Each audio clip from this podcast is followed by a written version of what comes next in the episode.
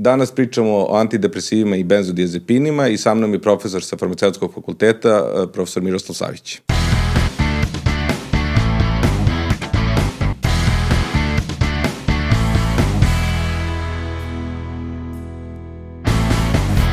Profesore, mnogo mi je drago što vas e, imam priliku vas da ugostim, jer e, vi dolazite po preporuci, ali čini mi se onako najlepšoj preporuci moguće, a to je preporuci vaših studenta, odnosno specializant instituta za mentalno zdravlje e, divni, vredni Petar Vuković mi je jedan dan došao i pričao kako je bio impresioniran vašim predavanjem i kako je bilo divno da vas ugostimo i pričao šta ste pričali. I onda sam sa takvim entuzijazmom da sam ja dobio tu želju. I e, zaista eto nadam se da će jednog dana i mene neki moj student da preporuči negde, to bi mi bilo da kažem kruna karijere kao što se vama evo ovde dogodilo. I za početak hteo bi da krenemo od priče u stvari medicine zasnovane na dokazima, da nekako uključimo priče s ljudima šta je to što, o čemu govorimo i kako istražujemo lekove i čime se vi bavite.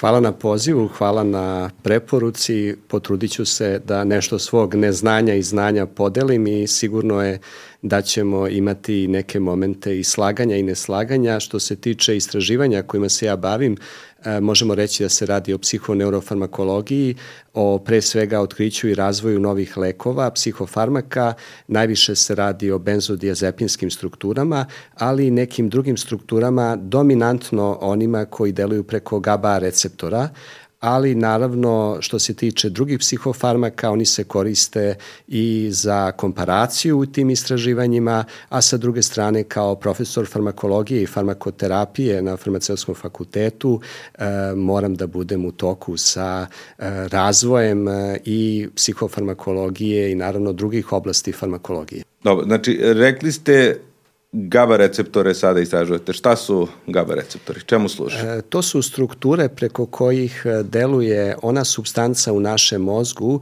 koju označavamo terminom glavni inhibitorni neurotransmiter.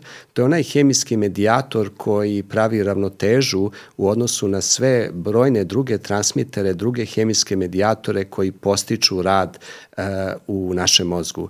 Dakle, gama aminobuterna kiselina ili skraćeno GABA deluje preko GABA receptora, a dominantni su takozvani GABA A receptori i mislim da će svima biti jasno lekovi kao što je diazepam, e, bromazepam, namerno neću pominjati fabričke tako. nazive, e, deluju tako što pojačavaju efekte GABE preko GABA receptora. To su, to su dakle benzodiazepini, odnosno lekovi za smirenje i koje, da kažem, su eto imali, imali i mi epizoda. A ja sam hteo, dakle, ja bi se uh, vratio i na benzodiazepine, ali sam između ostalog čuo da imate vrlo interesantna zapažanja i predavanja o antidepresivima i SSRI i tako dalje. Pa me interesuje da malo o njima se dotaknemo pa da se vratimo i, i na ove teme. Uh, što se tiče antidepresiva, uh, možete da nam kažete malo kakva su vaše zapažanja vezano konkretno za istraživanje njih, za efikasnost antidepresiva, klase antidepresiva, kakve su razlike, da li ima suštinskih razlika, koji će antidepresiv koji pacijent da uzme i kako bi to Da, jasno je da antidepresivi predstavljaju osnovu uh, današnje farmakoterapije u psihijatriji Naravno, antidepresivi se koriste i u nekim drugim oblastima medicine van e, psihijatrije, a zapravo svi ti lekovi potiču od nekih e, prethodnika, prvih koji su uvođeni 50. godina 20. veka. Dakle, u hemijskom smislu radi se o e, sličnim substancama, e, inače prvi antidepresivi su triciklični antidepresivi, znači imaju tu neku tricikličnu strukturu i jasno je da postoje desetine tih lekova lekova koji su uvedeni tokom decenije u terapiju. E, naravno, moje zapažanja pre svega e, crpe e, iskustvo i snagu iz bazičnih istraživanja i prva, prva pitanja koja se mogu postaviti kada govorimo o istraživanju nekog dejstva jeste kako se to modeluje, kako to može da se vidi recimo na oglednoj životinji. I napravio postoji paralelu sa anksioliticima i anksioznošću. Mi znamo što se tiče anksiolitika i anksioznosti da e, su benzodiazepini lekovi koji dovode do tih nekih akutnih umirujućih efekata, odnosno akutnog anksiolitičkog dejstva i to je zaista nešto što se vidi u određenim modelima na oglednim životinjama. Dakle, vidi se kada date jedan diazepam u određenoj dozi, u pravoj dozi oglednoj životinji, da će se promeniti ponašanje te životinje u nekim testovima gde postoji neka vrsta konflikta koji se razrešava pod dejstvom benzodiazepina. E, e, samo ovde, dakle, uh, mislim da je mnogo važno da ljudi razumiju šta je to bazično i šta je neko drugo istraživanje? Šta? Da, bazična istraživanja podrazumevaju sva ona istraživanja koja nisu vezana direktno za uh, humanog subjekta, za čoveka, odnosno pacijenta. Dakle, istraživanja koja su vezana za ćelijski nivo, za ogledne životinje, uh, za, za uh, neke modele koji se mogu in silico, kompjuterske simulacije, mm -hmm. dakle, sve ono što ne uključuje direktno pacijenta i uh, ne uključuje uh, krv ili e, neke druge materijale u kojima može da se nešto prati, a koji potiču od pacijenta. Dakle, bazična istraživanja suštinski su preklinička istraživanja, postoje određene razlike u toj terminologiji, ali e, sasvim je u redu kada kažemo bazično istraživanje, da kažemo da je to prekliničko istraživanje. I u okviru dakle, prekliničkog istraživanja vi uzmete e, kako uopšte mi dođemo, eto ovo što kažemo, do, to, do ideje da napravimo neku substancu, nekakav uh, eto, benzodiazepin, neku vrstu uh, atoma, molekula koji će da utiče na neki recept. Kako, kako ide taj da Jasno, postoje dva osnovna pristupa tokom istorije, široko su korišćeni. Jedan pristup je da se modifikuje ono što već postoji, što deluje sa željom da se dobije još bolji profil u smislu odnosa između efekata i potencijalnih štetnih efekata. Mm -hmm.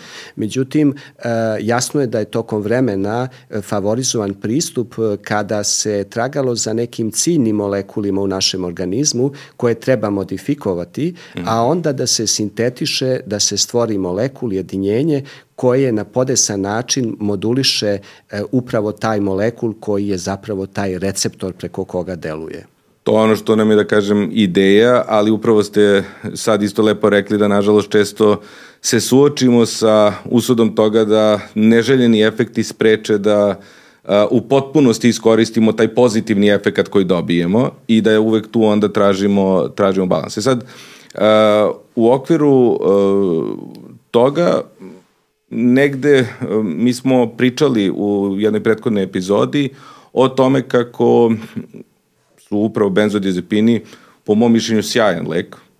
Ja lično sam ga, eto, koristim ga kad idem da letim jer imam strah od letenja i ne treba mi ogledna životinja i samo osetim umirenje. Alternativa je alkohol, je li tako? Pa ne, ne pijem, tako da, ali znam, pred, pred let. znam, znam ljude koji to, i, imaju tu metodu, ja koristim ksalol, o elprazolam, uh -huh. ali je... Uh, smo takođe pričali o rizicima, odnosno redovne ili prečeste upotrebe i taj deo negde je nešto što mene lično interesuje, to je taj balans između uh, upotrebe i preterane upotrebe, između precenjivanja efikasno i podcenjivanja rizika i da negde uh, taj deo se izučava. E sada, uh, u okviru toga, dakle, kažem, ideja mi je bila nekako da pričamo o antidepresivima iz te pozicije kada treba da ih koristimo, koliko treba da ih koristimo, koja je njihova efikasnost, koji su neželjeni efekti Jasno, jasno. E, pa zapravo e, moje pominjanje anksiolitika bilo je u svetlu sagledavanja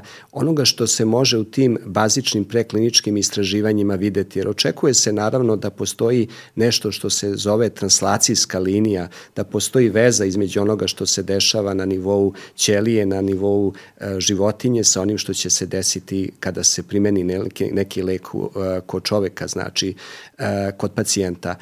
Činjenica je da što se tiče e, antidepresiva i modelovanja depresije i sagledavanja efekata lekova koji bi ostvarili akutno antidepresivno dejstvo, da uprkos tome što jako puno istraživanja je sprovedeno tokom decenija jako puno testova je uvedeno, iz nekog svog iskustva mogu da kažem da ne postoji jedan test koji može pouzdano da modeluje depresiju i sa druge strane da ne postoji jedan lek ili grupa lekova koja pouzdano ispoljava antidepresivno dejstvo. Naravno, e, to je vezano i za neke osnove tog konstrukta i sagledavanja šta je depresija, jer objektivno e, teže je definisati u nekim bazičnim dimenzijama ponašanja, a mm. sad je akcenat ponašanje na oglednu životinju, mm. e, ogledne životinje, ono što je depresivno ponašanje u odnosu na ono što je anksiozno ponašanje. Da. Tako da, e, rekao bih da su e, istraživanja antidepresiva zapravo e, teži deo priče u ispitivanju psihofarmaka u odnosu na ispitivanje anksiolitika. E, meni je to asocijacija, ja često e, kada pričam sa studentima, mi onako ga zovemo, ok, anksioznost, depresija, jasno šta je. Ajmo da idemo korak nazad. Šta su strah i tug? I sad kad pitamo šta strah šta je, ume i da objasne. Čemu služi strah? Isto vrlo jasno da nam ukaže na postojanje opasnosti. Ali kažem, čemu služi tuga? Pa da nam kaže da se nešto loše desilo. Za, čemu to služi? E tu već upadne u problem. Jer je samo pitanje tuge, šta je tuga, čemu služi tuga, još uvek otvoreno. Mi nismo skroz sigurni koja je, da kažem, evolutivna, fiziološka svrha tuge. Imamo naznak, imamo neke pretpostavke, to je sad opet široka tema.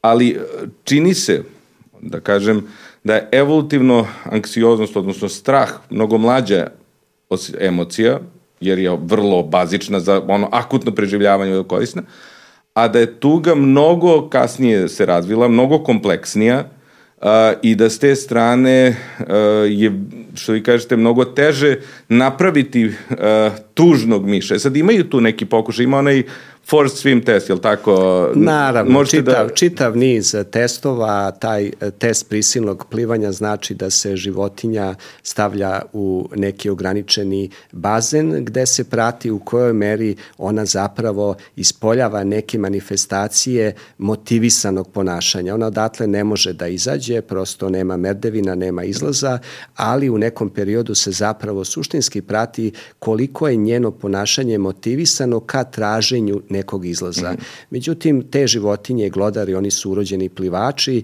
i sasvim je u redu, kao što i za nas sasvim u redu kada upadnemo u vodu, da zapravo plutamo. Jer mm -hmm. ako nema izlaza, zapravo zašto bismo gubili snagu?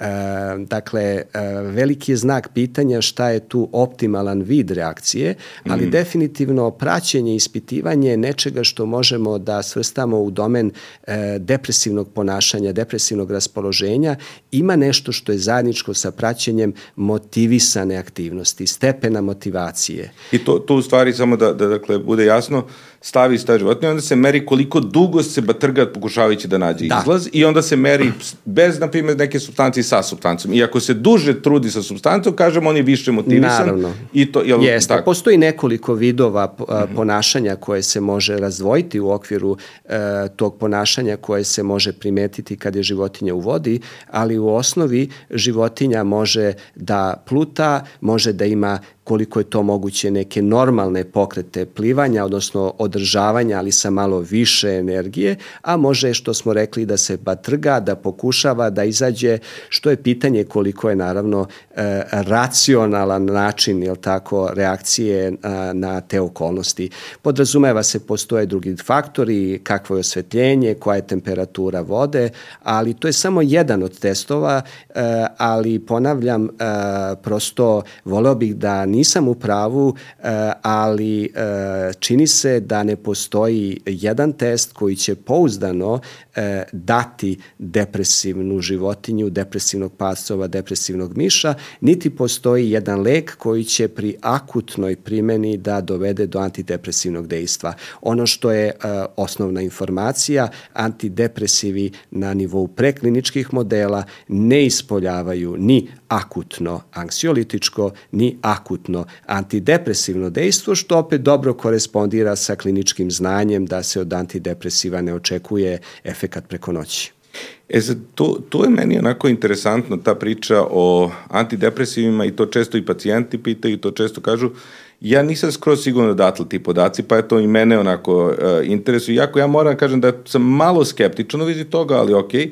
Okay. Kažu, pa pravi antidepresivni efekt se očekuje tek posle dve do četiri nedelje. Sad ja sam onda čuo druge priče, pa ta će biti najveći, ali već brzo može se očekuju. Naravno, ima i oni koji su skeptični uopšte antidepresivni efekt kao takav ili makar kod nekih. Sad me interesuje na osnovu čega, da li znate, na osnovu čega je to nekako ta, te četiri nedelje, što kažete, ne akutno, ne brzo, ali produženi efekt antidepresiva?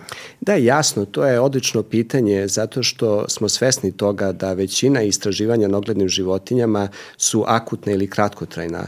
E, broj istraživanja koje uključuje neke dugotrajne tretmane i neku kompletnu observaciju promena na nivou ćelija, na nivou nekih parametara neurohemijskih i tako dalje, e, je zaista redak i e, moj je utisak da e, ipak ta paradigma Paradigma potiče iz kliničkih iskustava i vraća se nazad ka e, prekliničkim mm -hmm. nekim iskustvima ili neiskustvima. Znači iskustva, ne, klinička da. iskustva, da. ne nekao da imamo istraživanje, pa sad, mislim... E, naravno, e, vidite, e, tu je sada interesantno pitanje uopšte modelovanje nečega što su dugotrajni efekti u odnosu na ono što je akutno. Ako mi posmatramo jednu ćeliju, recimo, postavlja se pitanje koji period neke izloženosti te ćelije, jedno, jedne nervne ćelije, čelije a mi sada imamo zaista i mogućnost da radimo na humanim nervnim ćelijama koje potiču zapravo od e, neke takozvane pluripotentne matične mm -hmm. ćelije, znači to su ćelije koje su danas raspoložive. E, pitanje je zapravo koji je to period izloženosti nekom antidepresivu ili nekom benzodiazepinu ili nekom antipsihotiku prava mera da možemo da govorimo o tome da mi modelujemo neka dugotrajna dejstva. Jer naravno ono što je za nas uh, jedan dan to ne može biti za jednu ćeliju, Just. da kažemo, izloženost. I mi tu e, imamo i u okviru e, istraživanja koja predvodim e, određene rezultate, e, moram priznati više rezultata koji tek treba da se u narednom periodu obrađuju i tumače. E, tu postoje i određeni metodološki izazovi, jer vi ne možete ni jednu ćeliju da ostavite tek tako da bude izložena samoj substanciji tokom dana i nedelja tu stalno morate da menjate medijum, znači te ćelije moraju da se hrane, mm. tako? E, što znači da i mi kada primamo lekove moramo i mnogo drugih stvari da obratimo pažnju, dakle hrana, voda, vazduh, život, fizička da. aktivnost, da. dakle nije dovoljno samo lek, to se vidi na ćeliji, ali definitivno to transponovanje šta znači kratkotrajno, šta znači dugotrajno, e, vrlo je teško pitanje, e, samo da dam jedan primer, glodari žive oko dve godine, I mi znamo da glodar koji je u petoj godini, petom, uh, petoj nedelji života zapravo već ulazi u period odraslosti. Mm. tako? I uh, sve ono što se govori o nekim periodima tretiranja uh, kod oglednih životinja su dani tretmana nešto što odgovara najmanje mesecima tretmana kod ljudi. Međutim, ti dani kod životinje imaju samo jedan ciklus e, noć-dan e, i mm. vrlo je zapravo teško te translacijske elemente na pravi način složiti i tu negde zapravo leže svi ti neki izazovi kako da se dođe i do novih lekova gde mi imamo situaciju da je vrlo teško ili nemoguće modelovati neku humanu psihopatologiju, a, a za razliku od većine, da kažemo, bolesti unutrašnjih organa, gde je manje više ono što se može kod čoveka videti u kliničkim uslovima može da se napravi, da se modeluje i kod ogledne životinje i na neki način i promene na ćelijskom nivou zapravo jako dobro korespondiraju.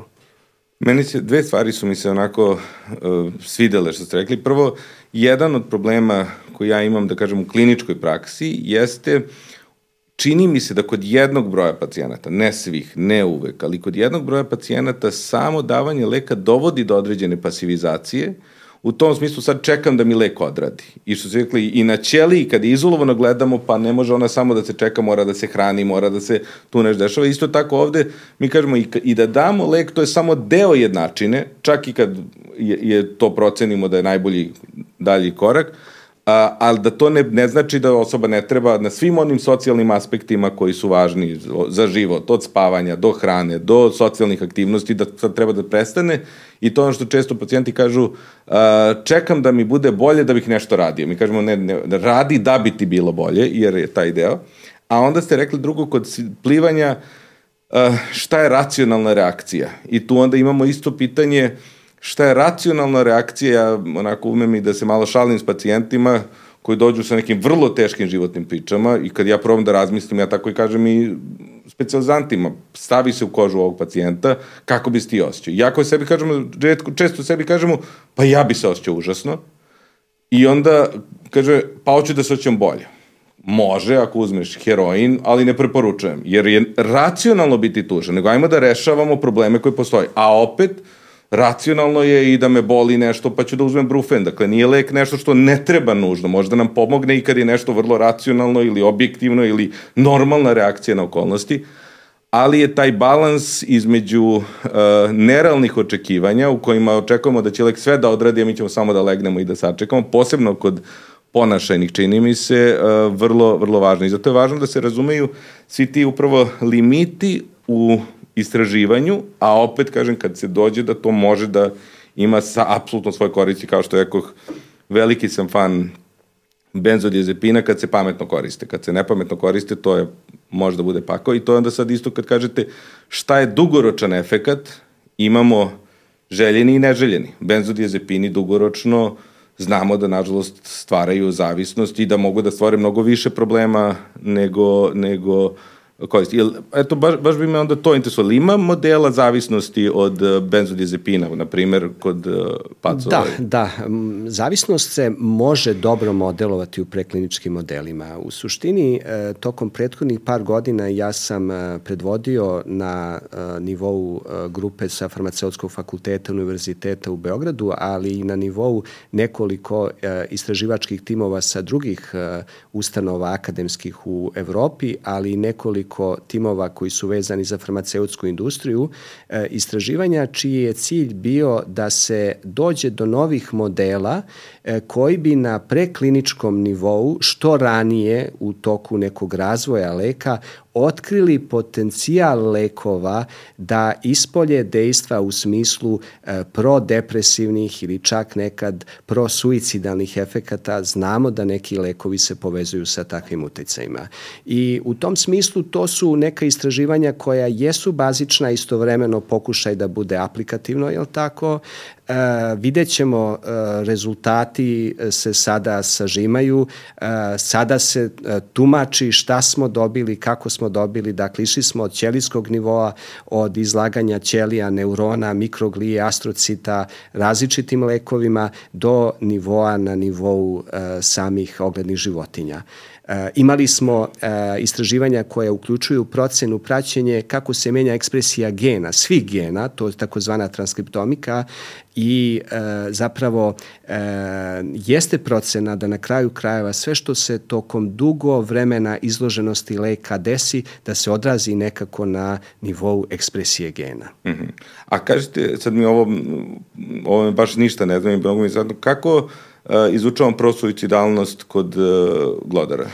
Da, to je uh, odlično pitanje uh, koje još uvek nema odgovora uprkos uh, tome što uh, to jeste bio jedan od zahteva, podrazumeva se uh, tog uh, projekta koji je uh, finansiran od strane uh, zapravo uh, inicijative za inovativne lekove, to je jedna kolaboracija između javnog kapitala Evropske unije i privatnog kapitala farmaceutske industrije ja sam bio u situaciji da e, razgovaram, da diskutujem, da zajedno radim sa istraživačima koji su već e, pre svega iz domena farmaceutske industrije, koji su bili uključeni u tu problematiku, E, da li sad, e, posle više godina, imam neko veće i bolje razumevanje nego onda kada sam pisao?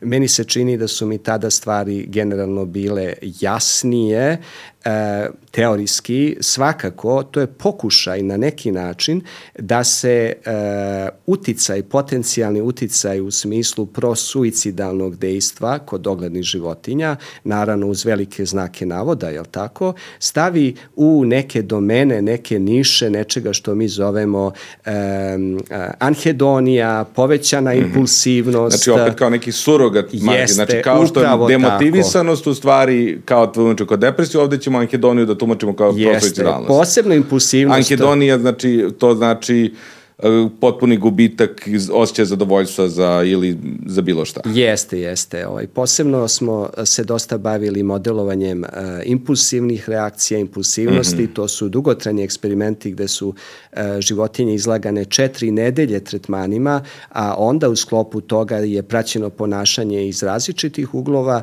i onda uh, posebni aparati, posebna, uh, da kažem, uređaj uh, koji uh, kroz reakcije na uslov uslovljavanje nagradom u vidu mm. slatkih peleta i kako životinja može da sačeka tu nagradu, podrazumeva se da bi bila zainteresovana, mora da bude gladnjikava, jel mm. tako? Ako su site, siti ljudi, site no. Da. životinje, verovato e, tako i u prirodi, nismo baš skloni previše da radimo, dakle to je jedan očigledno od motiva, to je jedan od izvora, jel tako, e, motiva da, da budemo aktivni. E, dakle, mi smo u okviru tih modelovanja zaista videli da a, neki lekovi koji su na nivou neželjenih efekata povezani sa učestalijim javljanjem e, depresivnih promena raspoloženja, E, govorimo naravno o e, onome što se zna pri primjeni tih lekova kod ljudi, zaista menjaju i e, to što se zove e, parametar impulsivnosti kod oglednih životinja. Mm -hmm. Dakle, tu očigledno da neki lekovi ko, za koje znamo, sad je to naravno, to su lekovi koji izlaze iz okvira psihofarmaka mm -hmm. koji ostvaruju takve e, efekte, ali moramo biti svesni, opet tu ima još jedan ovaj element kada razmišljamo o lekovima, da a, neželjena dejstva se generalno javljaju veoma redko i mi sad govorimo na primjer o nekim lekovima a, e, koji su a, e, povezivani sa tako teškim neželjenim dejstvima kod ljudi, ali onda kada vidite e, koliko a, ima izveštaje o takvim neželjenim efektima i onda kada pričate sa kliničarima koji su specijalisti za tu granu medicine, da upravo oni primenjuju ti lekove i pitate a, kako ste često imali priliku da mm. da vidite takva neželjena dejstva vaši pacijenti, oni će reći pa ja sam imao možda 500 takvih pacijenata koji sam lečio tim lekom, ne znam ni za jednoga, jel tako, mm. da je a, doživeo neku tešku epizodu depresije. I onda se suočavate sa nečim što se zove biološka variabilnost, mm. Vi kod ljudi jednostavno za većinu efekata možete da očekujete da su zapravo redki događaji. Mm. Naravno, zavisi od doze, zavisi od puno, puno faktora i zapravo to jeste jedan od izazova e, istraživanja. Princip sve ili ništa nije tako čest kao što bismo možda sa strane očekivali. Tako da, naravno, neće ništa značiti verujati nikome ako budem rekao tu floskulu da je sve tu jako, jako kompleksno. E, dakle, poenta je da se na neki način pokuša da se izdvoji nešto što je signifikantno, što bi možda moglo da posluži da sutra nekom e, drugom leku, nekom drugom pacijentu e, zapravo se malo promeni reakcija, sudbina da se dođe do pravog leka za pravog pacijenta, naravno je ovo neka šira priča, a da se podsjetimo krenuli smo od toga kako se modeluje e, kako se modeluje fizička zavisnost. Fizička zavisnost generalno može dobro da se modeluje za razliku recimo od promene raspoloženja kod oglednih životinja koja se skromno, pa čak to je jedna posebna problematika mm. koja je bila predmet nekih istraživanja, jesu kognitivne promene koje se generalno teško modeluje. Yes. Dakle, imamo ono što se relativno dobro i jako dobro modeluje, ali to ne znači jako dobro modelujemo da ćemo sutra imati baš lekove koji su lišeni takvih neželjnih efekata. Naravno, tačna je konstatacija za benzodiazepine i fizičku zavisnost, eh, ali bih tu želeo da istaknem činjenicu da zapravo benzodiazepini objektivno sami za sebe teško e, stvaraju adikta u smislu e, psihološke zavisnosti per se, hoću da kažem da fizička zavisnost je inherentni, kako mi kažemo, farmakološki efekat. Fizička zavisnost je nešto što prati produženu primjenu benzodiazepina sa svim onim manifestacijama kod obustave kako kod oglednih životinja, tako i kod ljudi, ali e, tu postoji ta druga strana medalje vezana za adiktivni potencijal kod e, ljudi koji e, uzimaju samo benzodiazepine, a ne uzimaju alkohol, ne uzimaju neke druge psihoaktivne substance. O, ovo sad nisi skod ispratio. Šta to suštinski znači? Znači, benzodiazepini stvaraju fizičku zavisnost, a psihička Da, da. Šta s njom? E, da. Pa prema tvrdnji e, čitavog niza, pre svega psihijatara koji su se bavili problematikom e,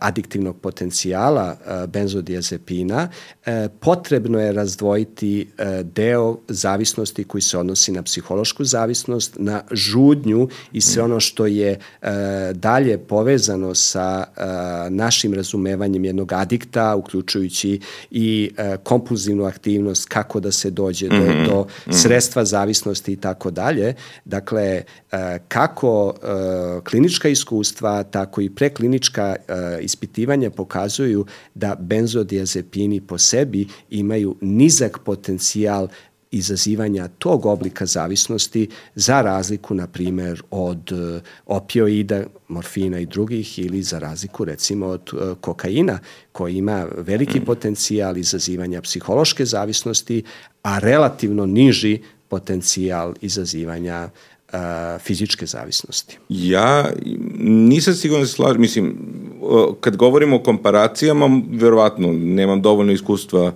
ali verujem da je heroin gori, što kažete, kokain, verovatno, ali uh, sam viđao jake i ja to, pričali smo sad uh, baš i na putu vamo, uh, E, ta psihološka zavisnost nisi sigurno ni da počinje od toga žudnje, ja mislim da ona počinje već u tom samom odnosu prema sebi i kad kažem pacijentu hoćemo da probamo da skinemo lek, onaj strah hoćemo, kako sad, kako će ja bez toga.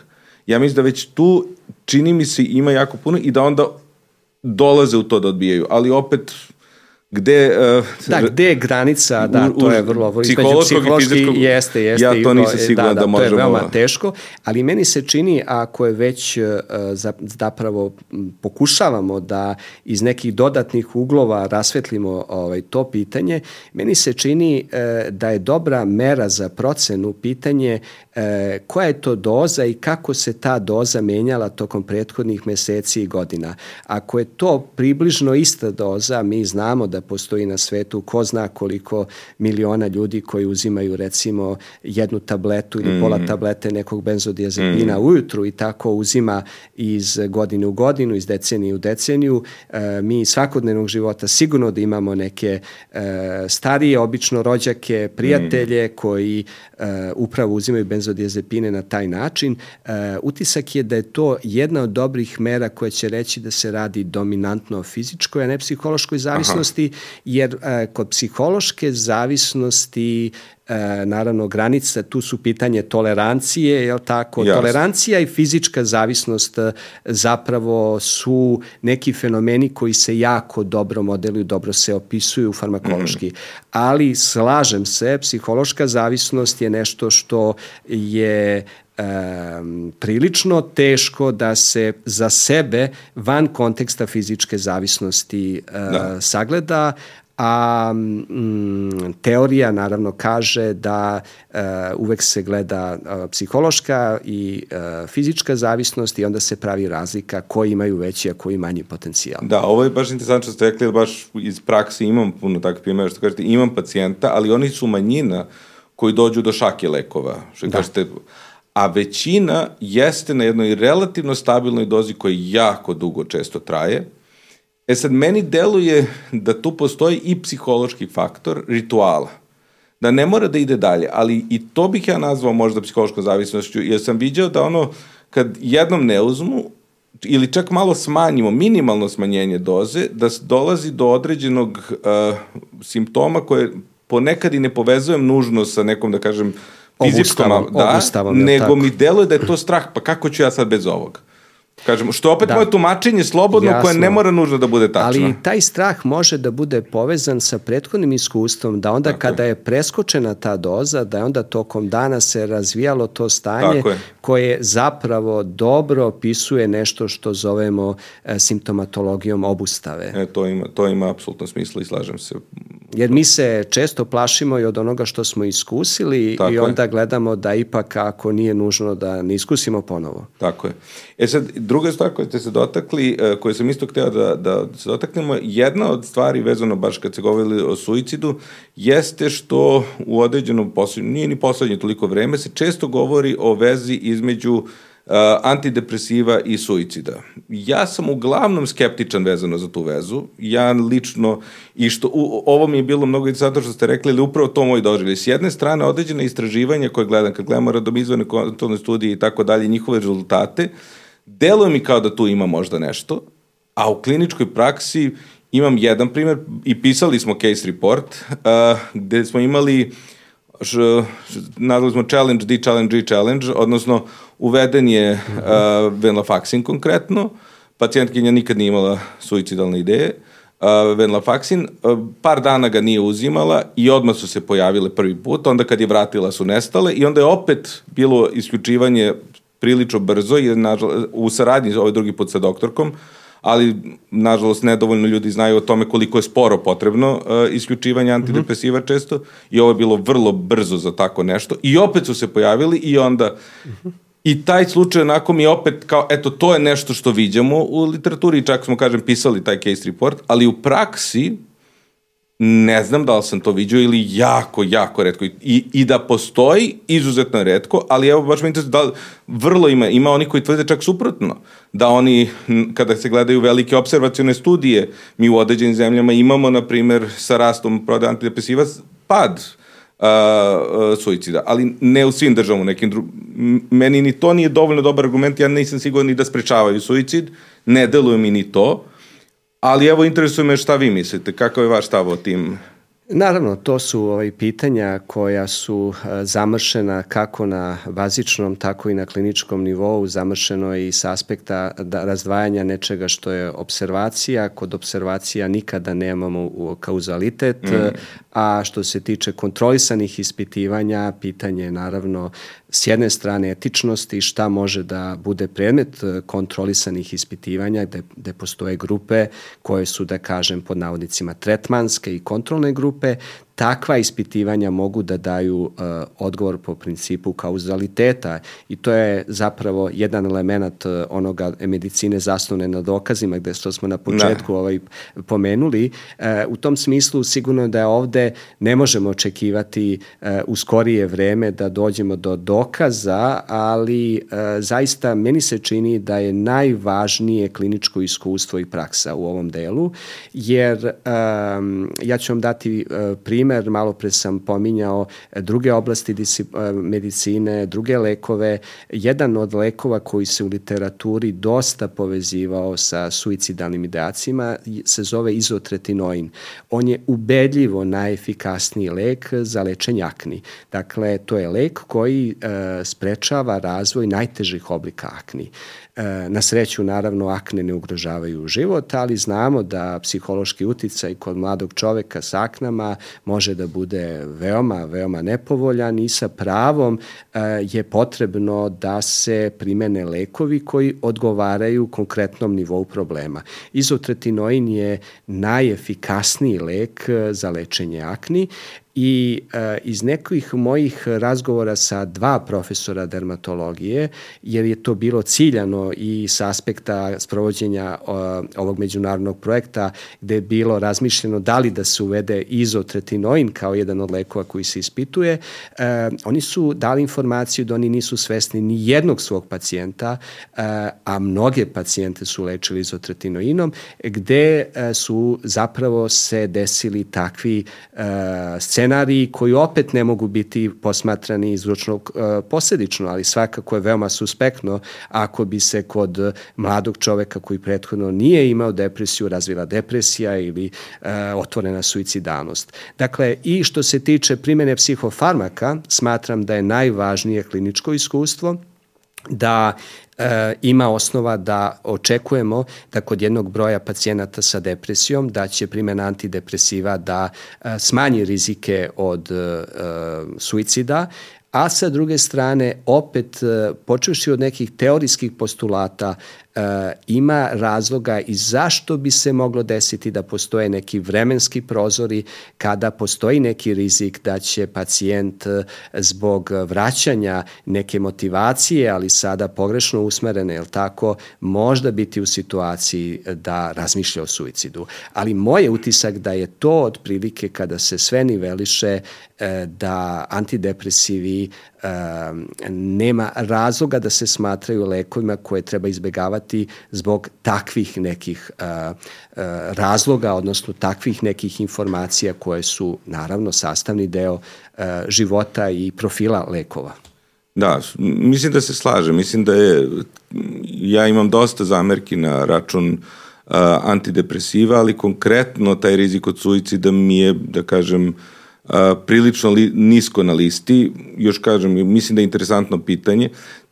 Mene su onako taj deo sa motivacijom, to opet jedna hipoteza, eto, vrati se motivacija pre nego bilo šta, eto, to mi je interesantno sad kad ste povezali sa tim a, testom plivanja, mene uvijek interesovalo kako to neko istraži, jer to je opet čista hipoteza, pretpostavljak, jer niko nije rekao da ti se vratila motivacija pa si zato probao nešto da uradiš, nego mi pretpostavljamo S tim što i ta pretpostavka čini mi se ide iz toga, pa dobro, sigurno antidepresiv učini nešto dobro, vrati motivaciju, pa se ona pogrešno usmeri.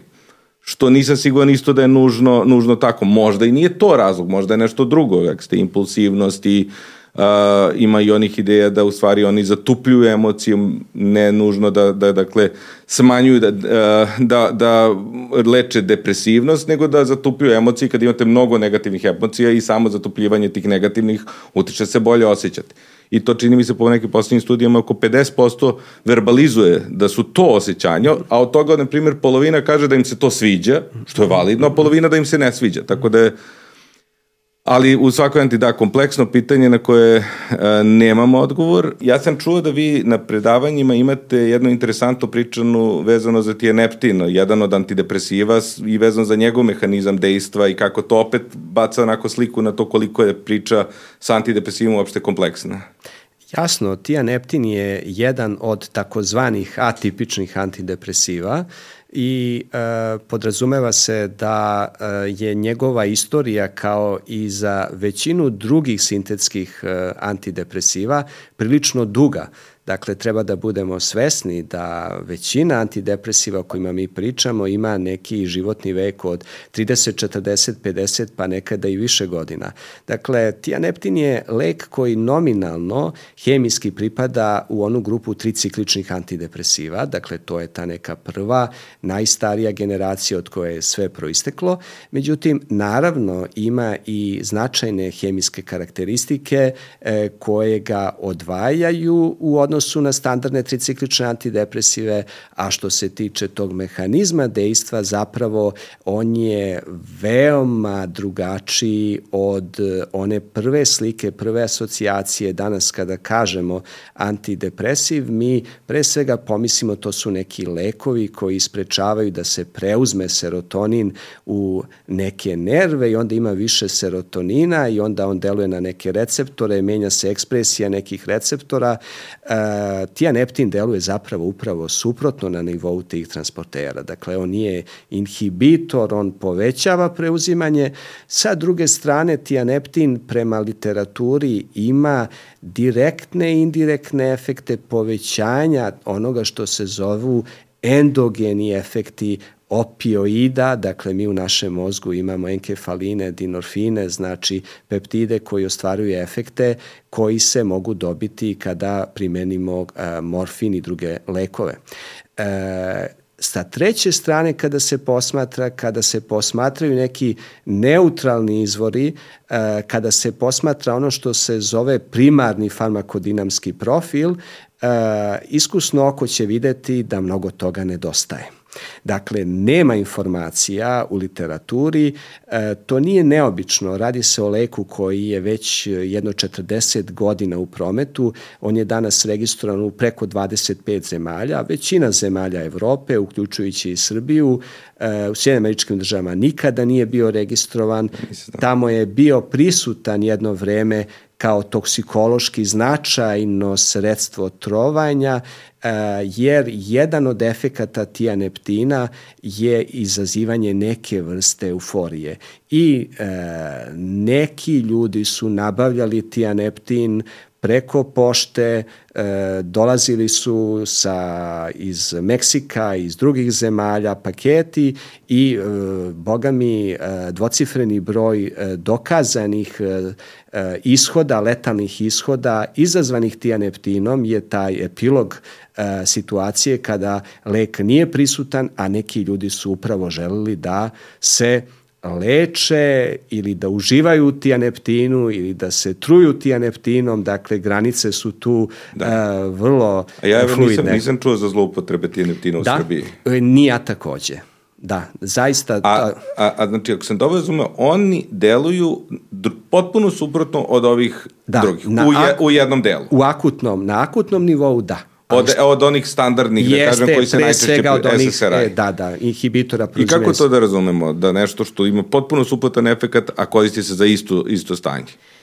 Naravno, mi to možemo da sagledavamo u različitim dimenzijama, od one dihotomije konvencionalnih mehanizama na suprot homeopatskih pristupa do situacije gde ja ne bih ulazio u tu problematiku, jer što se tiče e, nečega što se zove da se e, jedna stvar leči e, lekom koji upravo izaziva tako nešto, e, mislim da to u medicini nije baš usvojeno kao pravi Slažem pristup. Se E, dakle, to bih e, kao neku mogućnost ostavio po strani. A kako onda da razumem? E, ali činjenica je da e, mi kada razmišljamo o akutnim efektima, to je samo vrh ledenog brega jer e, mi zapravo treba da znamo šta se desi posle nekoliko dana, nekoliko nedelja, nekoliko meseci primene, a e, znamo generalno da vrlo često kada razmišljamo o nečemu što se zovu efekti na nervni sistem,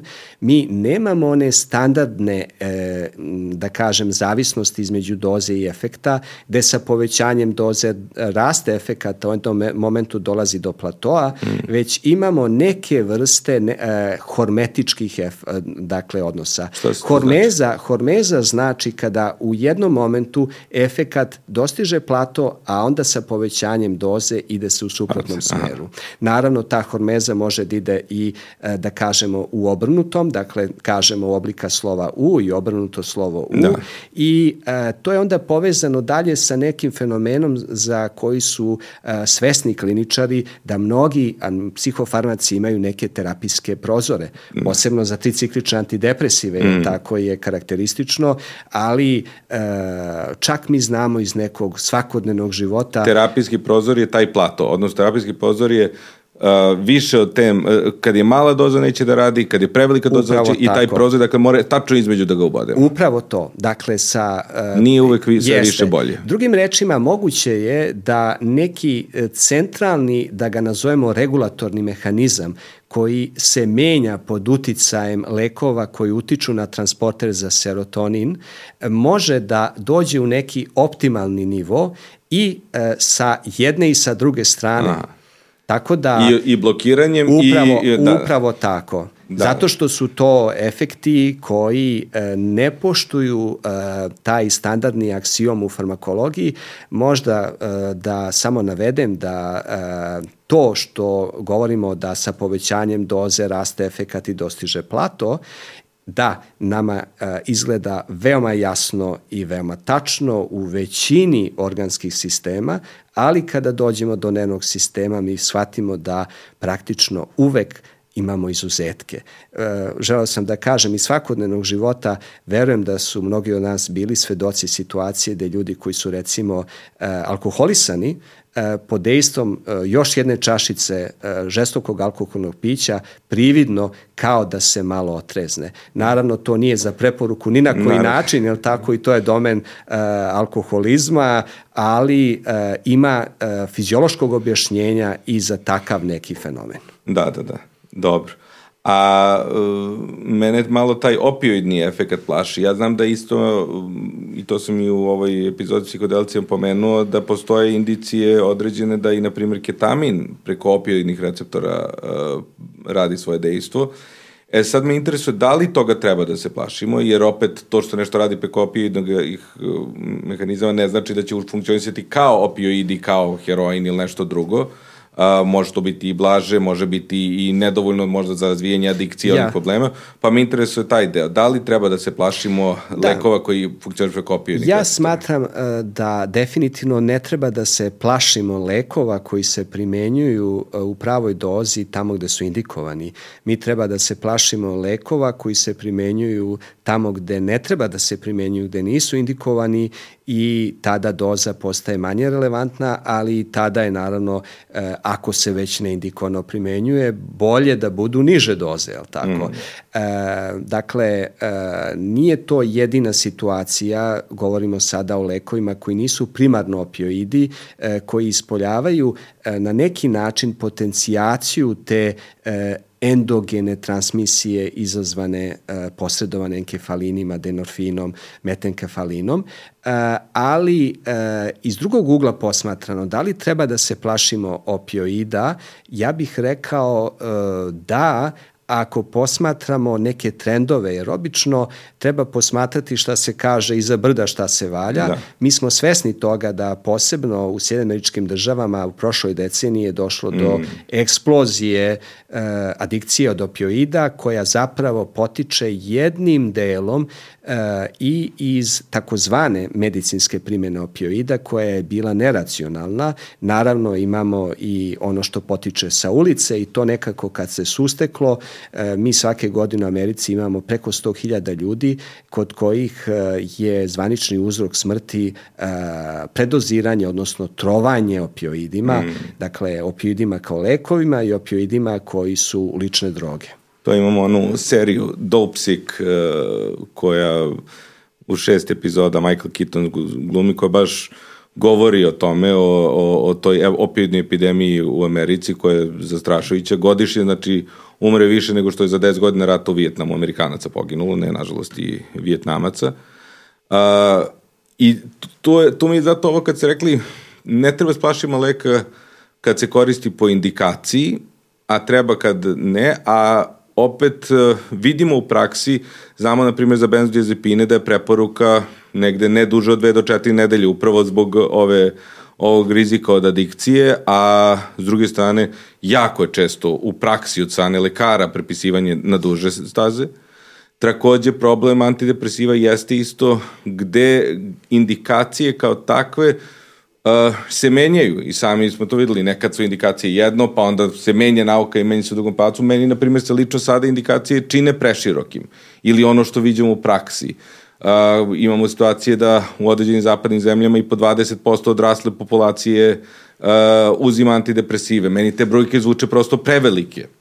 Ja nemam dokaz da je to loše, da je to nužno ovako ili onako, ali me to plaši. I onda sama ta ideja indikacije opet su relativno fleksibilne kroz vreme, kroz naše menjanje naših saznanja, razumevanja a, i, i određene dvosmernosti te ulice u kojima i mi utičemo na pacijenta kad mu kažemo evo ti lek, ovo je za tebe i njegovo poimanje sebe, to je taj jedan malo onako deo gde mi možemo da utičemo na pacijenta kako razume sebe, kako razume sebe kao osobu koju uzima lek, koja je potreban lek, kao osobu koja možda jednog dana neće moći bez leka ako na taj način sebe doživi. I to su, kažem, kompleksna pitanja na koja isto e, nemamo odgovor. Ali dobro, to je... Da, tu je bilo nekoliko paralelnih tema sada pokrenuto u ovom komentaru, mm. ovaj, svakako kad govorimo indikovano, ne indikovano, to ne znači nužno da je indikovano ono što strogo stoji u sažetku karakteristika leka, a ne indikovano ono što ne stoji.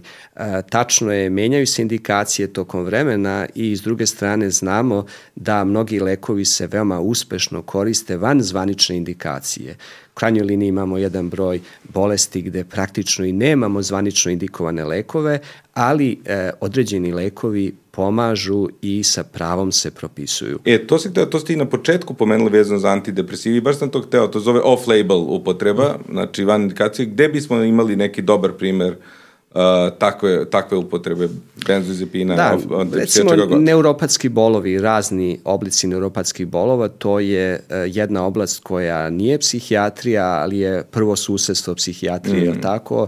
Nominalno je uh, neurološka primena, ali tu je granica onako prilično fluidna i ti bolovi mogu da imaju često imaju i neku komponentu koja jeste vezana za psihološki status tog pacijenta.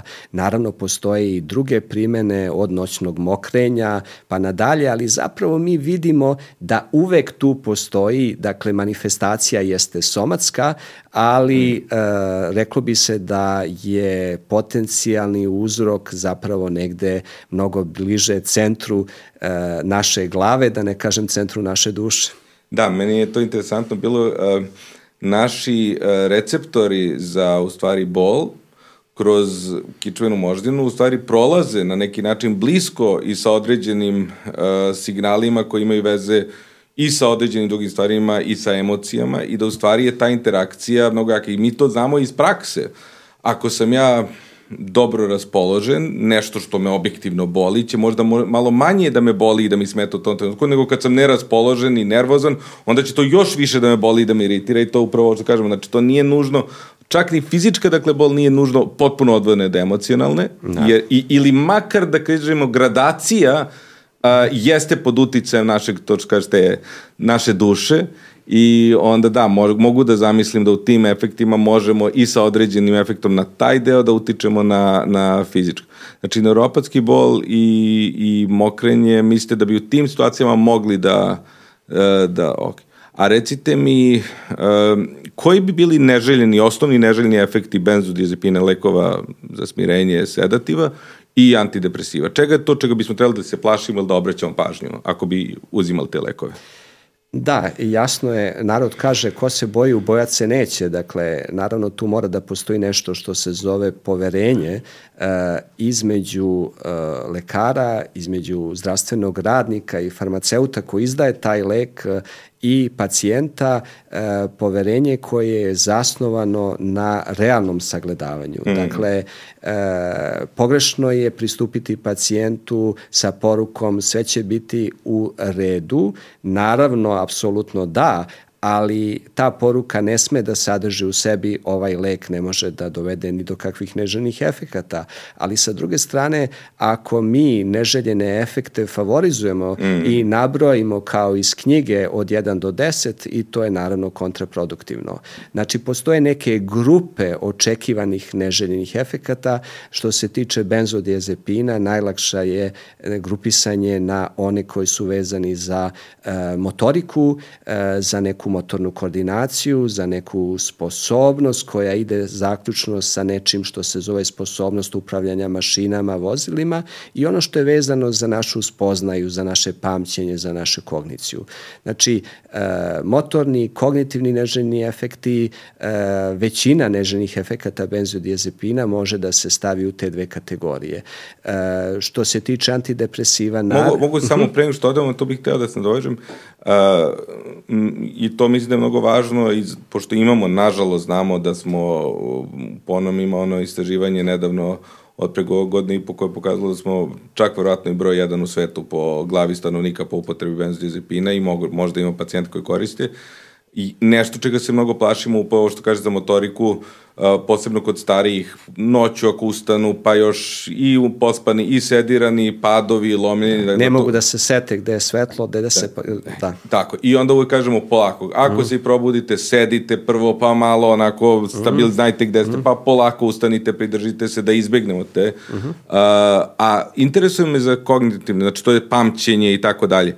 Tu isto ima određenih e, radova koje su, užasno je teško, pitali smo kauzalnosti, uzročnosti, šta uzrokuje šta, to je u medicini jako često teško. Imamo onu čuvenu korelacija, nije kauzacija. To što neke dve stvari idu zajedno ne znači da su uzrokovane jedna drugom ili ne u pravcu u kome nužno mi mislimo da jesu. I jedna od stvari koje se pojavljaju jeste da potencijalno benzodiazepini mogu da utiču na povećanu ili raniju pojavu uh, demencije, ali su radovi vrlo Uh, vrlo blaga korelacija. Drugo, pitanje je da li je korelacija u tom pravcu ili osobe možda koje su već imale neke probleme kao što su depresivnost, anksioznost, su podložnije tome. Pa mi su kako vi gledate na to. Da li mislite da postoji konekcija, da li je nešto, nešto čega treba da se plašimo ili opet je nešto što možda ima, ali ne u toj meri da bismo klinički donosili sud o upotrebi benzodiazepina? Da, e, kada se razmišlja o benzodiazepinima, e, mi zaista ne želimo u situa da dođemo u situaciju da imamo pacijenta koji je posljednjih 20 godina uzimao benzodiazepine, a znamo da se to u realnom životu dešava. Mm. To izlazi iz svakog okvira preporuke, mm. ali naravno da su to takođe ljudi e, koji zapravo imaju neki svoj aktuelni status, svoju neku istoriju. E, da li oni uzimaju benzodiazepin e, zato što se razvila fizička zavisnost, e, možda i psihološka zavisnost? Da. E, da li je taj benzodiazepin objektivno nešto što je doprinelo e, nekom oštećenju, nekom poremećaju, e, naravno nemoguće reći, e, ali e, moramo biti svesni da mnogi takvi pacijenti zaista postoje. E, e, vezano za um, ovu temu, ja bih želeo samo da navedem jedan primer koji se ponavljano u epidemiološkim istraživanjima sreće već dugi, dugi niz godina.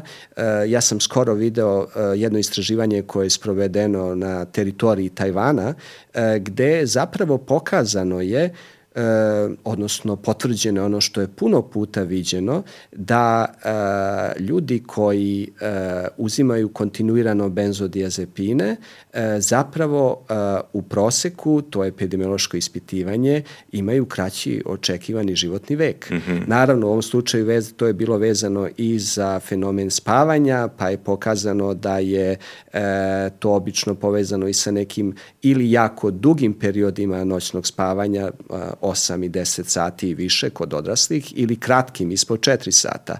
Ali svakako sve su to epidemiološke po povezanosti i benzodiazepini tu uh, mogu da budu i deo problema na neki način da doprinose nečemu što je nepovoljno, ali mm. sa druge strane ti isti benzodiazepini mogu na neki način da koriguju nešto ili da delimično sprečavaju da se manifestuje nešto što je uh, nateralo te pacijente da Tako. ih uzimaju i što možda je i neka druga osnovna patologija koja, da, koja, koja, je, da. koja, je, koja je u pozadini. Dakle, um, uzročnost je u svakoj anti teška da se definiše, nešto postoji. U svakoj anti, što ste lepo rekli, 20 godina uzimati benzodiazepine nikada nije preporuka šta god daje, a, ali ne možemo sa sigurnošću ovo da tvrdimo. A šta ste za antidepresive? Kako, kako, čega tu treba da se plašimo?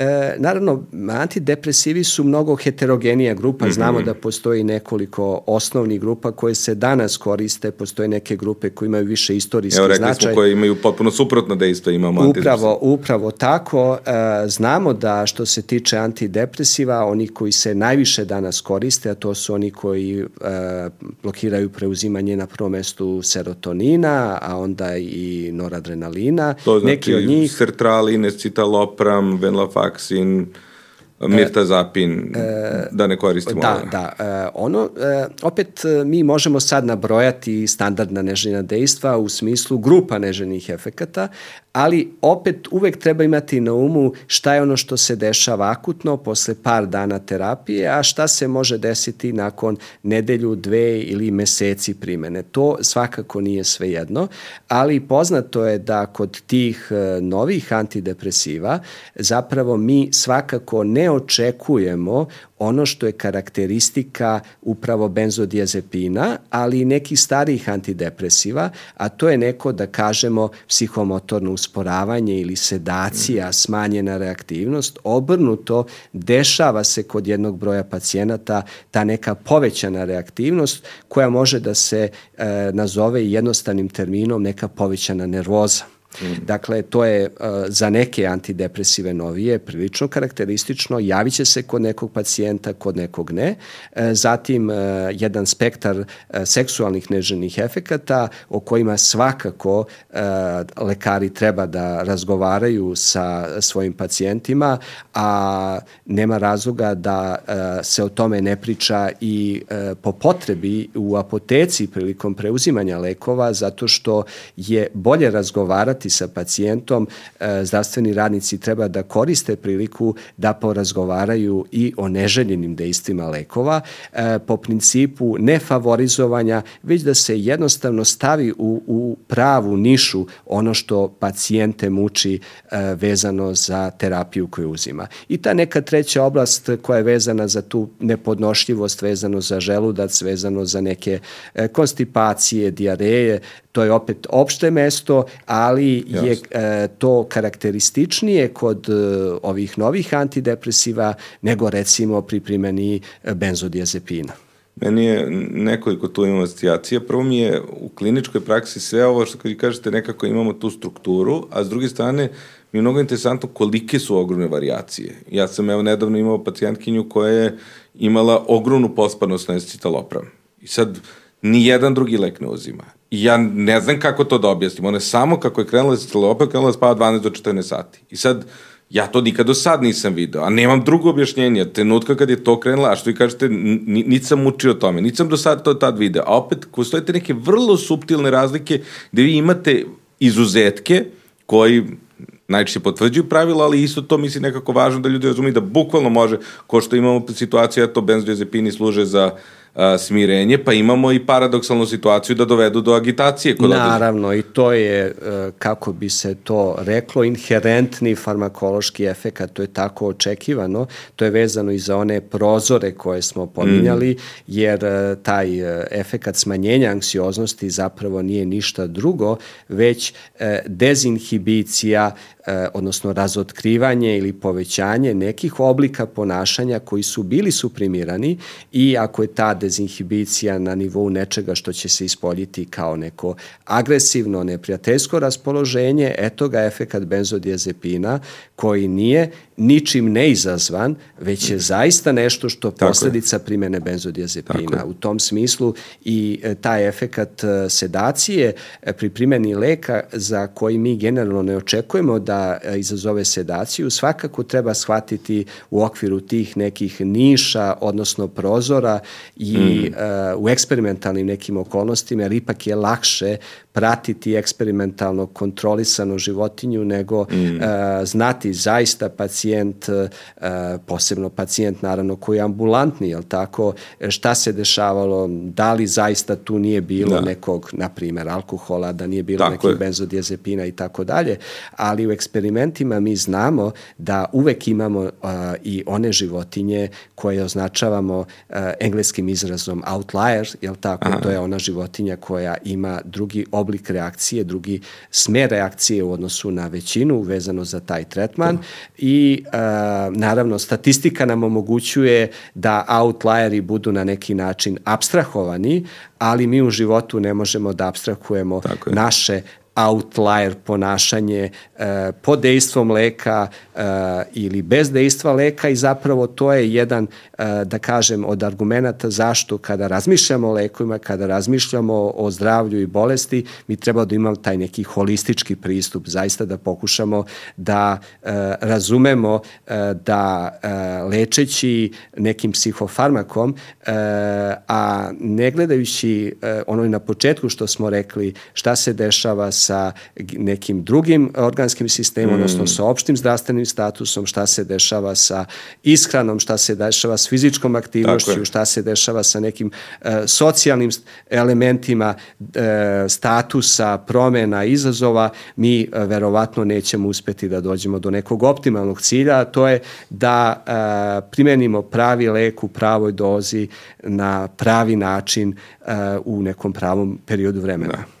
Meni i ovo mi je isto mnogo interesantno, onako i to je jedna jako kompleksna priča u praksi kada govorimo o, što ste, već čini mi ste dva puta pomenuli, vezano za to koliko ili šta treba da kažemo pacijentima, jer upravo ista dilema se stalno suočavamo. S jedne strane, moralno je reći pacijentu šta može da očekuje i nekako je fair i nekako trebamo da validiramo da postoji i rizik, jer predstavljamo jednu pogrešnu sliku ako to ne radimo, a s druge strane i sam se nekad nalazim u dilemi jer ima pacijenta koji su vrlo susceptibilni da se uplaše, da preuzmu te, te uh, simptome, da nekako uh, i, i onda imamo te dve stvari koje su u koliziji i jedna i druga su validne i jedna i druga imaju svoje mesto uh, i nisam, što ga treba, treba upozoriti, a opet ako mnogo insistiramo možemo da zaplašimo, što ni to ne treba da nam bude cilj, uh, Uh, vrlo pipav teren, a jedna od stvari gde se to između ostalog uh, često suočavamo, to jeste upravo ovaj uh, uh, seksualni problemi s kojima i mi kao lekari često onako lakše nam je da ne pitamo, jer je eto, prosto prirodno, ili nas je stid, ili nam glupo, ili prosto eto kao, nema veze. S druge strane, više puta sam se iznenadio uh, gde pacijent koji je super izgleda, onako u nekom trenutku vidi se prelomi pa kaže, ali doktor imam jedan problem, ali mi je bilo glupo da vam kažem. I onda saznamo o tim problemima koje, eto, mojom greškom nisam pitao, jer mi je bilo lakše da ne pitam. I o tome se sve više priča, posebno o dugotrajnim uh, poremećajima tu. Znači, ono što sam video, apsolutno najveći broj takvih tipova problema. Dakle, to može biti impotencija, pred, uh, odložena ejakulacija, gubitak uh, seksualnog nagona kao najčešći, uh, ali su oni prolazni sa isključenjem leka. Ali jedan jako mali procenat, manje od 1%, mogu po onome, i to se još uvek nisu sigurni istraživanja, može biti i trajni. E sad, da li je to na nivou te genske ekspresije? Ka, zašto, bi, zašto kod 99 7% na primer je to, ako se ne varam brojke, a možda grešim, je to prolazno, ali imamo neko objašnjenje, a kod nekog malog to može da bude trajno ili makar više godišnje, sad je to pitanje. Kako bismo to mogli da razumemo? E, pa definitivno tu nekih e, egzaktnih odgovora ne može da bude, treba naravno obratiti pažnju na kompletan status tog pacijenta. Šta je sa zdravljem e, tog pacijenta, jer... A, da, izvinite, a da ne govorimo o tome i da depresivnost sama utiče na seksualnu želju. Naravno. Zato to isto često teško da razgraničimo šta je zbog toga. Naravno, kad smo tužni, kad smo nevaspoloženi, nije nam ni do seksa i kako tu da razgraničimo između onog što je postica leka, šta je od samog stanja. Naravno, e, mali je broj neželjenih efekata u farmakologiji e, generalno za koje je utvrđeno da imaju tu komponentu irreverzibilnosti i da kada pet godina nakon što je pacijent e, uzimao lek poslednji put i dalje znamo da to što se kod njega dešava, ta tegoba je povezana sa tim lekom. Dakle, ima tih situacija, ali što se tiče psihofarmaka generalno, rekao bih da je to gotovo uh, bez primera, uh, jer... Znači, skeptični ste u vezi ove priče. Upravo što... tako, dakle, jer pitanje šta bi tu bio substrat, dakle, tu nema nekog substrata definisano koji se odnosi na neko oštećenje mm -hmm. tkiva, odnosno nekih struktura koje iz izazvano lekom. Mi znamo da lekovi izazivaju neka oštećenja, recimo na nivou jetre primjera radi ili na nivou bubrega ili nekih drugih organskih sistema u nekim okolnostima i onda su ta oštećenja irreverzibilna mm -hmm. sa mhm. nekim e, svojim manifestacijama, ali što se tiče lekova koji deluju na centralni nervni sistem, u tom kontekstu mislim da treba obratiti pažnju na pacijenta u celini, a ne insistirati na tome da je taj pacijent pre tri godine uzimao neki uh, citalopram i sada je to posledica, mislim da je to malo stavljanje problema možda po tepih, a ako je to jeste realan problem koji opterećuje datog pacijenta, onda bi trebalo integralno pristupiti i videti e, kako se to može pokušati rešiti. I sad, sad ja razmišljam naglas. Apsolutno mi ima smisla to što kažete i ste, što kažeš s te strane mi onako zvuči i, i interesantno da možda i hipotetički makar i to može imati veze sa tom anksioznošću o kojoj smo pričali. Ako ja čitam o tome, o problemima seksualne prirode, na primer, mnogo mm. ili doživim to i uplašim se toga i onda čitamo možda može i, i, irreverzibilno da bude da li mogu i sam nekom vrstom autosugestije da sebe dodatno ekscitiram kao što imamo u, u različitim potencijalno. Ne znam, ali je to su da, tek, da. ovo je vrlo, vrlo skoro, pre par meseci izašlo istraživanje, ali vrlo, metodologija vrlo upitna uh, i negde su dobili, kažem, taj jedan vrlo mali broj koji je, što vi kažete, i ja bih bio vrlo rezervisan vezano za taj rezultat kao nešto što apsolutno moramo da prihvatimo ili ne, ali ne bih ni skroz zatvorio oči kao da. potpuno nemogućnost, da, da. moramo biti... Slažem opres. se svakako. Kod uh, bipolarnog poremeća, to je nekako jedna potpuno druga grana i uh, znam kad sam bio u Nemačkoj, bipolarni poremeć je dakle promena iz vrlo visokog raspoloženja u vrlo nisko raspoloženje i nekako uh, ono što znamo iz istraživanja, pa i genetskih, da potencijalno čak ima mnogo više veze sa nekim drugim stanjima, ne nužno sa onom što nazivamo depresija i da je biološki verovatno značajno drugačije. I zbog toga postoje diskusije o tome kako treba da se leči. I najčešće su to stabilizatori i atipični antipsihotici, dakle potpuno druge klase lekova. I kad sam bio u Nemačkoj, još pre 15 godina, malo manje, znam da su nam rekli kao ni slučajno antidepresivi u bipolarnom poremećaju, jer je to nešto potpuno drugo i može da dovede u maniju i tako dalje. A s druge strane, opet to onaj taj klinički deo kad vidite beskrajno tužnog pacijenta, bipolarne depresije su užasno teške da se pomere, nekako iz očajanja jako često prosto nemamo drugo rešenje i probamo i sa tim, pa se teo da čujem da li vi imate, da li ste tu radili nešto, da li imate neka iskustva? E, Naravno, to je jedan od najvećih izazova vezano za primenu lekova, upravo ovaj primer. E, I s obzirom da mi zaista želimo da se oslanjamo na medicinu zasnovanu na dokazima, ja smatram da tako veliki izazovi zahtevaju i odgovore e, koji se na jedan sistematski način e, formiraju.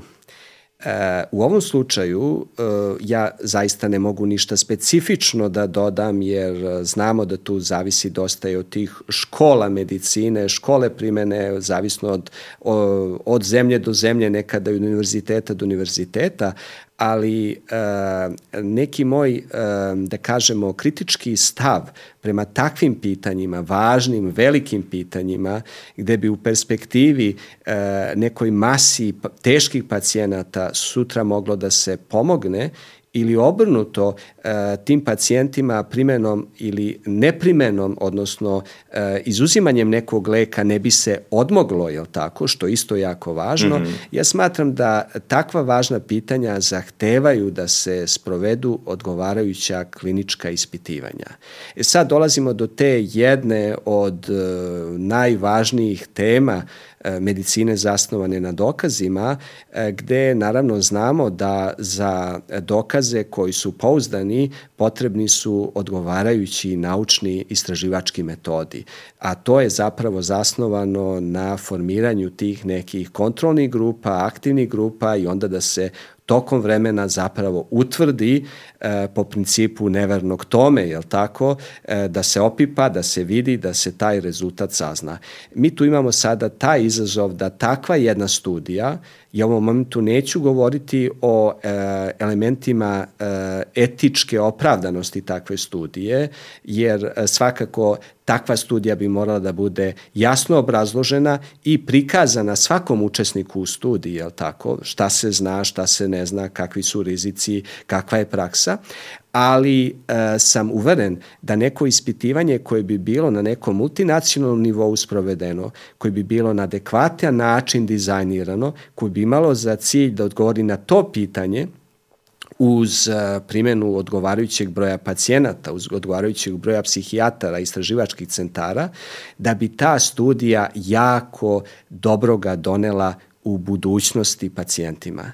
E, znači, to je neko moje razmišljanje koje ide u tom nekom proaktivnom smeru, e, ali naravno da je podložno različitim kritičkim sagledavanjima, ali sam još želeo samo da e, zapravo i izrazim šta je najveći problem da se takve studije zaista i koncipiraju i sprovedu.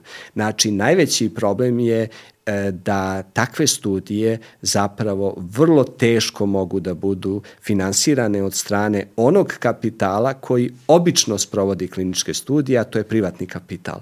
Dakle, to bi morao da se pojavi takozvani javni kapital koji bi to finansirao, a da bi se javni kapital tu pojavio, opet to bi moralo da bude na nivou nekih e, političkih odluka, da neke zemlje e, ulože neka sredstva i da se takva neka značajna pitanja zapravo e, ne možemo reći definitivno razjašne, jer e, nikada nije 100 od 100, ni crno ni belo, ako govorimo o lekovima, ali da zaista može da se kaže, e, ja lično očekujem, prosto na osnovu tog spektra efekata koji se vide vezano od bazičnog farmakološkog primarnog profila pa nadalje, da postoje antidepresivi koji bi mogli biti favorizovani, koji bi mogli biti jedna opcija kod pacijenata sa bipolarnim poremećajem koji ne može drugačije da se tretira ta depresivna faza, već je potreba neki,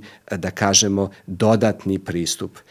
Možda samo da napomenem, nije predmet do sada bio, ali e, bih želeo da kažem da uvek treba postaviti pitanje i šta je sa onim e, prvim lekom za bipolarni poremećaj, prvim stabilizatorom raspoloženja, litijumom, koliko je on u primeni, koliko je on, da kažem, e, na raspolaganju da se na pravi način e, primeni kod pacijenata kod nas i u drugim zemljama. U, šta po tim mislite? Da nije dovoljno da je... E, utisak je da u nekim zemljama primena litijuma nekako nije na pravi način podržana. Znamo naravno rezultate kliničkih ispitivanja.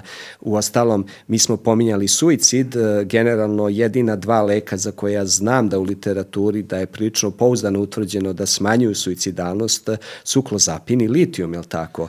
E, litijum sigurno ima stotinu mana, ali e, utisak je da litijum u nekim zemljama je manje primenjivan nego što bi se moglo očekivati na osnovu snage dokaza da je kod bipolarnog poremećaja to lek koji e, ima e, svoju, e, svoju poziciju. Ja, ja isto, iskreno mi ga zovemo na zlatni standard i meni jeste i dalje prva, kod bipolarnog poremećaja prva asocijacija litijum i to jeste lek s kojim najčešće počinjem kad je onako prva epizoda ovoga, a u pravosti u tom smislu da mi se dešavalo da i pacijente koji su već dugo imaju bipolarni i već se dugo leče, a da nikad nisu bili na mhm. litijumu, što se meni bi bio on, da kažem, pri vrhu. E sad, što se suicidalnosti tiče, tu je Uh, i te, te, ti stavi idu dotle da neki smatraju da treba da se ko flu, flori da se sipa litijum u, u pijeću vodu, ne da li ste videli tako, da, ima da, tekstova, to. da bi ja lično sam da. tu skepčan, jer prvo i da, i da ima, ima vr, opet na vrlo, ko što smo pitali za antidepresive, za potencijalnu suicidalnost i da ima one izuzetno mala, tako i ovde taj antisuicidalni efekat i da ga ima je nedovoljan da bismo tako nešto uradili, a i da, i da lično, meni lično nikada nije uticalo na kliničku odluku, sad, e, ovaj pacijent je suicidal da mu dam litijum, jer, što kaže, na nivou, da li sam video nekad, i, kako i da vidim to, ajde, ali e, za klozapin čak isto mislim da je da su dokazi još slabiji, ali opet nisam previše ulazi u materiju, neću da vas da, da, da lažem. Uh, ali da, to je, to je nešto što isto slažem se da bi litijum trebalo češće da razmišljamo o njemu u tom nekom smislu. Ali ste si lepo pomenuo i ovu uh, pitanje toga ko radi istraživanja, ko ima koju motivaciju za istraživanje i mene taj deo mnogo muči, taj deo finansijskog upliva, jer znamo da ranije, pre 50, 70, 80 godina, većinu studija je bio javni kapital, uključujući kliničke studije, a, a sada dolazimo do toga da je zaista dominacija privatnog kapitala koji ima motivaciju šta će, to ste, to mnogo mm. lepo šta će da istražuje. Zato smo imali tek 2019. velika studija o abstinencan krizama kod uh, antidepresiva, 30 godina nakon fluoksetina, zato što niko naravno nije imao motivaciju da istražuje nešto loše, hoćemo samo da istražujemo ono što je dobro. A oba postoje i okej okay da vidimo za oba. Ovaj, bilo je naznaka ranije, ali kažemo ovo je prvo veliko da onako čini mi se napravilo i medijski uticaj.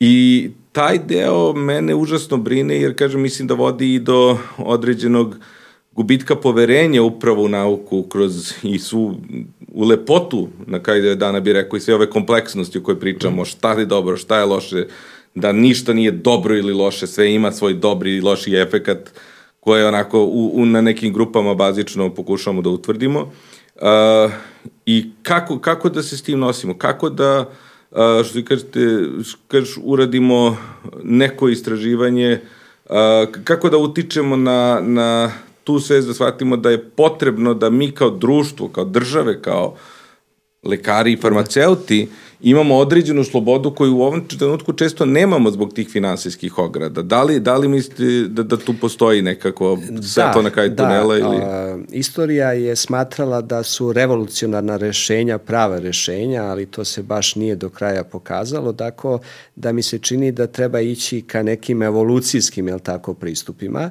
E, naravno, e, ta dihotomija kapitala, privatni i javni kapital, do danjeg će da stoji, jel tako? Mm -hmm i trebalo bi na neki način naći e, načina kako povećati interes e, privatnog kapitala za ona istraživanja, sada pričamo, razmišljamo pre svega o lekovima, koja su vezana za neke prethodne faze, pre nego što se dođe do tih definitivnih kliničkih ispitivanja. E, jasno je kada se pogledaju tokovi novca u istraživanju da je najveći deo javnog kapitala se usmerava ka tim prethodnim istraživanjima, nečem što se zove otkriće leka. A kada se dođe do nečega što se zove razvoj leka, e, tu je dominantan privatni kapital. Razlog zašto je tako, što privatni kapital e, bira ulaganja koje imaju veću mm. šansu za profit, gde se gleda i veličina profita i brzina, e, da kažem, onoga što, mm. što se dobije. Dakle, tu na neki način treba biti mu der i e, kroz neka sistemska rešenja, ali sad je to pitanje na kom nivou, je li tako, e, da li tu može Svetska zdravstvena organizacija nešto da uradi, da li tu mogu Ujedinjene nacije, e, možda je ovo suviše e, jedan naivan pristup razmišljanja, ali e, da se nađu rešenja koja će e, usmeriti, mi imamo u ovom momentu tu situaciju da privatni kapital, ako govorimo o lekovima, je usmeren ka što e, naprednijim e, koracima u istraživanju lekova. E, treba da se napravi tu jedan preokret e, kako bi dalje bilo prostora za sve, ali da javni kapital bude mnogo zastupljeniji, a sad je praktično nije zastupljan u finansiranju kliničkih studija, mm. gde zapravo naravno kliničke studije koje su vezane za koncept evo i mene, što se na engleskom kaže me too, dakle da imamo tri leka iz jedne grupe pa sad se pojavio i četvrti lek. Isti klase, samo malo različit molekul. To je sasvim u redu da za neki javni zajednički kapital ne treba da bude od interesa, ali kada imamo neke indikacije gde danas nemamo lek, to nisu samo redke bolesti, već prosto nemamo zvanične lekove. Kada imamo neke velike dileme, da li jedna grupa lekova, da li druga grupa lekova, zaista ja sam pomenuo Svetsku zdravstvenu organizaciju, od nekoga mora da dođe neka inicijativa, to treba po meni, ako se dobro definiše problem, ako se da predlog rešenja, mislim da će se na kraju doći do kritične mase kako to da se realizuje. Ja sam malo manje optimističan, nisam siguran da vidim rešenje, posto taj uh, onako pulzija ka profitu uh, mnogo toga menja, ali što se kaže možda, eto, borimo se da jednog dana bude, bude bolje, ali slažem se da je to problem i da bi to bilo, bilo nešto na čemu bi morali da radimo kolektivno. Dobro, jedna od stvari koje mene brinu, to je opet ono što smo rekli, paradoks terapije i prevalence koje imamo u različitim stanjima, ali kod depresije me plaši da li on eventualno pokazuje na problem uh, našeg trenutnog pristupa samoj depresiji. Odnosno, dakle, imamo sve više terapije, sve više ljudi uzima lekove, sve duže, konkretno antidepresive, a, a opet određeni parametri i invalidnosti i dana bolovanja vezanih za depresiju u mnogim zemljama rastu uporedo sa tim i to bi trebalo da bude suprotno. Kako, kako ti razumeš tu E, jasno, podaci su jako heterogeni. Kada vidimo e, podatke o tome koliko se antidepresivi koriste u različitim zemljama, mi ćemo videti da su nekada razlike 3-4 puta, mm, što nije karakteristika mm. ni benzodiazepina čak, a da ne pričamo o nekim lekovima za dobro poznate internističke bolesti kao što su recimo hipertenzija, gde su mm. to variacije tipa 10-15% više ili manje anti, antihipertenziva ili nekih drugih lekova. Mm. E, da li je to povezano sa nekom e, fluktuacijom vezano za pristupe diagnozi i lečenju, da li je to povezano eventualno i sa nekim specifičnostima koje imaju veze sa nekom vrstom uh, socijalnih karakteristika tih sredina, uh, eventualno čak sa nekim aspektima vezanim za genetiku uh, tih populacija, veoma je teško reći, ali činjenica je da se, kada govorimo o primjeni antidepresiva, kad vidimo neku centralnu tendenciju na globalnom nivou, to sa sobom nosi veliku variabilnost. Od zemlje do zemlje, od regije do regije. U tom smislu mislim da je zaista, da bi se e, pokušalo odgovoriti na ovo pitanje, potrebno je fokusirati se na jednu sredinu, na jednu zemlju mm. i e, pokušati što je bolje utvrditi zapravo e, trendove na neke malo duže staze. E, naravno, mi sad se suočamo i sa nekim drugim izazovima, promene e, klas, sistema, nozoloških sistema, odnosno diagnostičkih statističkih kriterijuma tokom mm. vremena e, i zapravo sa nekom fluktuacijom koja postoji e, u primeni e, istih lekova, već smo rekli e, prosto situacija je takva da antidepresivi koji se danas koriste su veoma slični onima pre 20 godina, e, ali izvesno je da postoje e, i neki faktori koji e, su vezani za neke promene životnih stilova, mm. načina života, života i e, legitimno je razmišljati da i te promene zapravo po sebi potencijalno povećavaju e, učestalost depresije u opštoj populaciji. Usamljenost je jedan od faktora gde sva istraživanja govore kako je u značajnom rastu. Znamo da usamljenost utiče na uh, raspoloženje i moguće bi, na primjer, upravo to da je